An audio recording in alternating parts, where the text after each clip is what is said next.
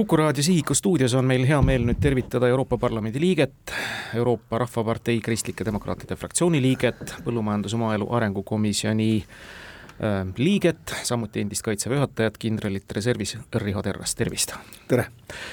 räägime kõigepealt ametialastest äh, tähelepanekutest, põllumeeste ülestõus tabas paljusid Euroopa riike, kas ka teie koht Brüsselis oli ju mitu päeva ju traktorite blokaadi all, miks sai nüüd Euroopa põllumeestel mõõt täis ja nõnda ühe korraga? Noh, eks äh, põllumeeste need igasugused meeleavaldused äh, tavaliselt äh, kontsentreeruvad aega, kui põllumeestel traktoritel muud tööd ei ole, et, et see, seetõttu on see ajaraam praegu intensiivselt, aga, aga eks põllumeeste mõõt on täis sellepärast, et paljud rohepöördega seotud initsiatiivid on tekitanud juurde meeletult bürokraatiat, mõjuhinnanguid ei ole äh, mõjuanalüüse, mõjuhinnanguid ei ole tehtud ja, ja põllumehed tunnevad, et neid on jäetud olukorras, kus sisendihinnad tõusevad, kus maailma majandus on katastroofis, nagu jäetud unarusse ja sellepärast nad tulevad tänavatele, aga igas, igas piirkonnas on ka erinevad põhjused, et kõik ei ole ühe asja ja eest võitlemine, Poola, Läti, Leedu põllumehed eh, on mures sellepärast, et odav odav vili jookseb läbi, läbi, läbi nende riikide nii Ukrainast kui ka Venemaa vili, mida Venemaa Ukrainast on varastanud ja mis siis läbi, läbi Läti näiteks liigub, liigub Euroopasse, nii et, et erinevad põhjused, aga, aga põhiliselt loomulikult ikkagi see rohepöördega seotud äh, lisabürokraatia ja kohustused nojah, te mainisite sõda Ukrainas, et see on siis ikkagi ka tegelikult otsesemalt või kaudsemalt erinevate riikide põllumehi mõjutanud, pooled Euroopa riigi, Euroopa Liidu äh, liikmesriikide põllumehed ju tegelikult avaldasid protesti. Ja, ja ega noh, loomulikult, et, et Euroopa Rahvapartei ja ka Isamaa on, on korduvalt öelnud, et tegelikult sellises äh, kriisiolukorras, nagu täna on, sõda Euroopas, majanduse äh, turbulents äh,, lisada veel põllumeestele, kes on niigi väga ohustatud, lisada juurde kohustusi, noh, see tekitab trotsi ja, ja ma usun, et tegelikult peaks tõsiselt kaaluma, et osa nendest rohepöörasest projektidest tuleks praegu lihtsalt peatada. meie oleme palunud moratooriumit, oleme öelnud komisjonile, et tegelikult praeguses olukorras ei ole mõistlik juurde keerata kohustusi, kui, kui kõik on nii raske kas see vana hea protestimise põhjus iseäranis Eesti põllumeestel, milleks on Euroopa Liidu põllumajandus, korralikud subsiidiumid, on jätkuvalt teemaks, alati nad võiksid muidugi olla suuremad aga on nad täna siis jälle kuidagi teravdatud fookuses kõigi muude murede kõrval? ei no nad ei ole selles mõttes, et praegu ühine põllumajanduspoliitika on, on vastu võetud, seal on mingisugused normid paigas, aga nagu me nägime eelmise aasta lõpus, siis Eesti ametkond on nii eh, nii näpuga koma järgiv, et, et, et need asju ei maksta välja õigel ajal ja siis tekib ka trots, nii et ja kummaline oli see, et aasta lõpus öeldi, et pole võimalik välja maksta PRIA toetusi ja siis, kui sellele natuke tähelepanu pöörati, siis oli nädala aja jooksul kõik peaaegu välja makstud, ehk tegelikult ka ametkonna soov põllumeeste nõudmisi täita on, on puudulik, nii et eh, põllumeestega tuleb kogu aeg tegeleda, nad on küll väike grupp, aga, aga nad toidavad meid kõiki. No vot, bürokraatia, et äh, tõepoolest ka nendel protestidel kõlas see, et äh, toetus toetuseks, aga selleks, et toetust saada, see hulk ankeete, mis tuleb ära täita ja aruandeid, milles see bürokraatia siis õigupoolest väljendub ja kuidas siis ta nüüd äkki on niimoodi üle pea kasvanud? no eks ta kasvab aeglaselt, aga, aga süsteemselt kogu aeg iga uue määrusega keeratakse mingisugune kohustus juurde, mida sa pead tõestama, seletama, need, need rohemeetmed, mis tulid eelmise ühise põllumajanduspoliitikaga, ehk et sa, sa saad raha ainult siis, kui sa tead, teatud rohemeetmeid järgid noh, siis sa pead hakkama tõestama, et sa neid järgid, siis põhimõtteliselt iga põllumees, iga talupidaja peaks võtma ühe inimese tööle referendina, kes siis tegeleks nende, nende paberite täitmisega ja noh, see ei ole normaalne. ja, ja muidugi, eks Eestis on ka see väga, ma pean ikkagi tunnistama, et me oleme niisugused väga täpsed ja printsipiaalsed ja täidame kõiki seaduseid nii, et, et ma usun, et paljudes riikides see seaduste täitmise nii-öelda täpsus on, on ka vähe, vähe lõdvem Itaalias või Prantsusmaal näiteks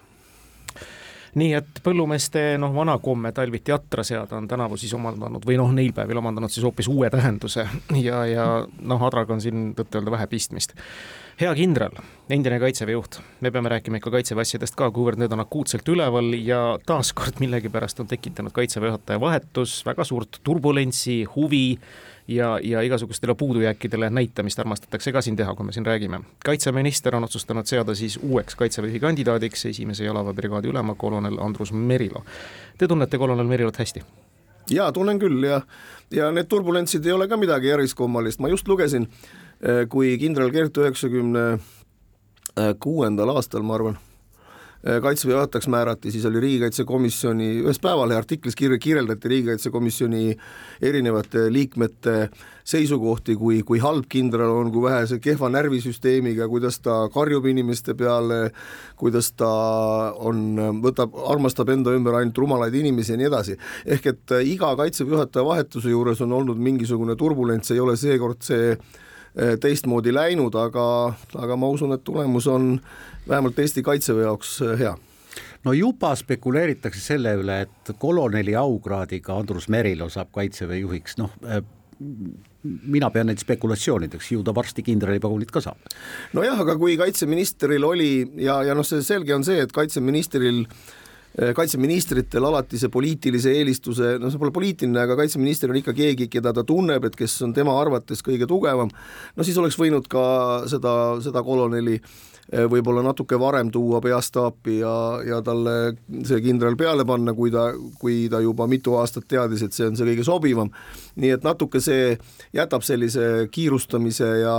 sahmimise mulje, sest äh, nagu mina tean, kaitseminister teadis vähemalt pool aastat juba, et et, et kindral Herem on, on ära, ära, ära liikumas. Et, et sellised asjad tuleb lihtsalt pikalt ette planeerida ja ka kaitsekomisjonis äh,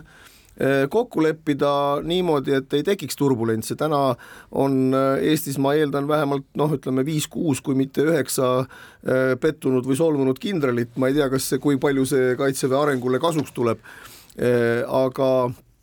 aga kindlasti oli neid, kes sellele kohale oleks sobinud veel, otsus tehti ära, kolonel Merilo on sõdurist peale teeninud Eesti Kaitseväes, mitte ainult ajateenistussõdurist, vaid ka nii-öelda elukutselisest sõdurist peale, on äh, kõikides oma karjääri etappides olnud väga lugupeetud, äh, vilunud, väga hea, ta on väga rahuliku meelega, aga samas väga põhimõttekindel, nii et äh, tegemist on erakordselt võimeka ohvitseriga, kes vahest oleks võinud veel brigaadi juhtida, siis diviisi ja siis kaitseväe juhatajaks saada aga kui see nii läks, siis ta saab kindlasti selle, ka selle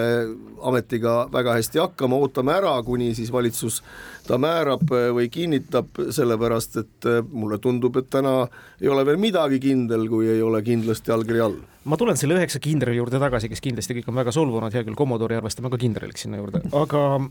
mõned, no tegelikult konkreetselt üks reservis olev kindral Väli näiteks on arvanud, et see, et meil nii palju kindraleid oli, järsku nii palju tahtjaid, võiks olla ideaalis kaitseväe juhataja ametikohale, kõneleb sellest, et kaitseväe personalipoliitika on läbi kukkunud, olete nõus või?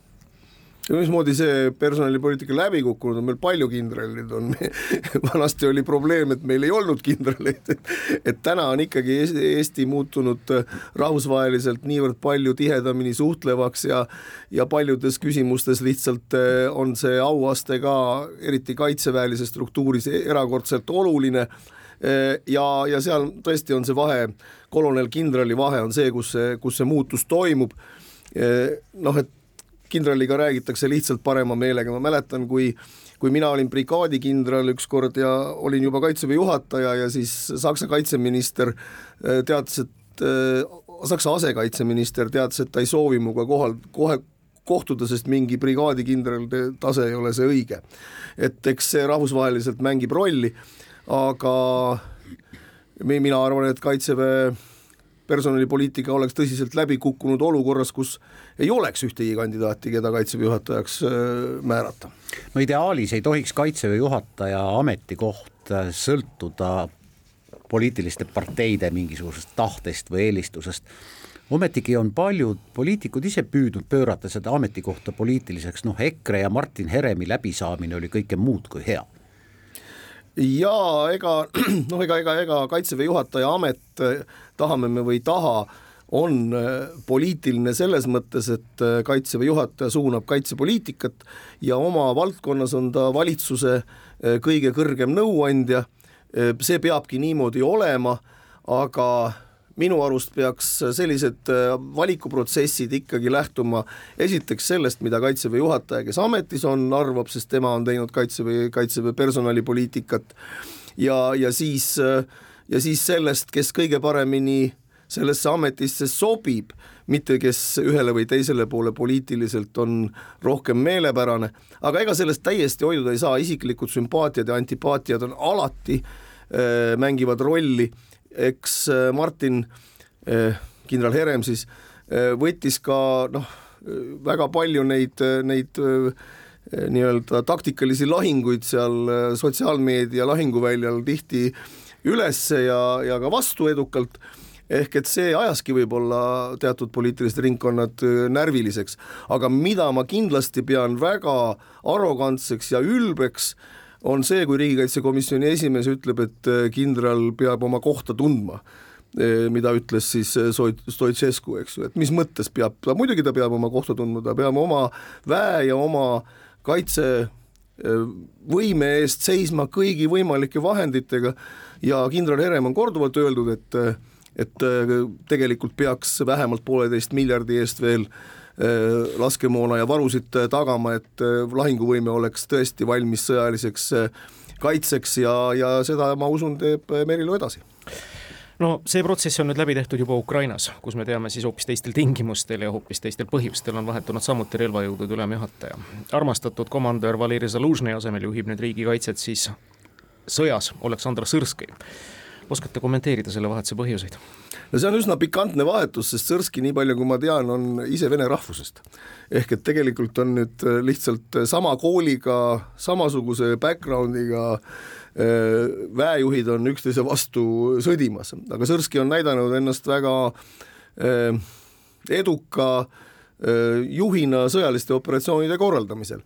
nii palju, kui mina teda tunnen, paar korda olen kohtunud, siis, siis mul on mulle jäänud rohkem sellisest tõsisest sõjamehest, kellel võib-olla on vähem seda poliitilist mänguoskust, sellist ütleme, strateegilise,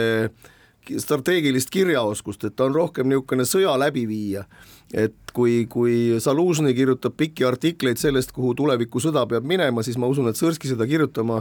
ilmselt ei hakka, aga võib-olla siis tänases olukorras on see muutus just see, mida, mida Ukraina rinne vajab, sest noh, mis seal salata, praegusel hetkel neid keegi lahendust pole leidnud, kuidas see rinne liikuma saada õigele poole, ehk et sinna Venemaa poole. aga loodame, et Sõrskil on see äss varukas olemas loodame väga, suur tänu stuudiosse tulemast, Riho Terras, soovime edu, jõudu! aitäh!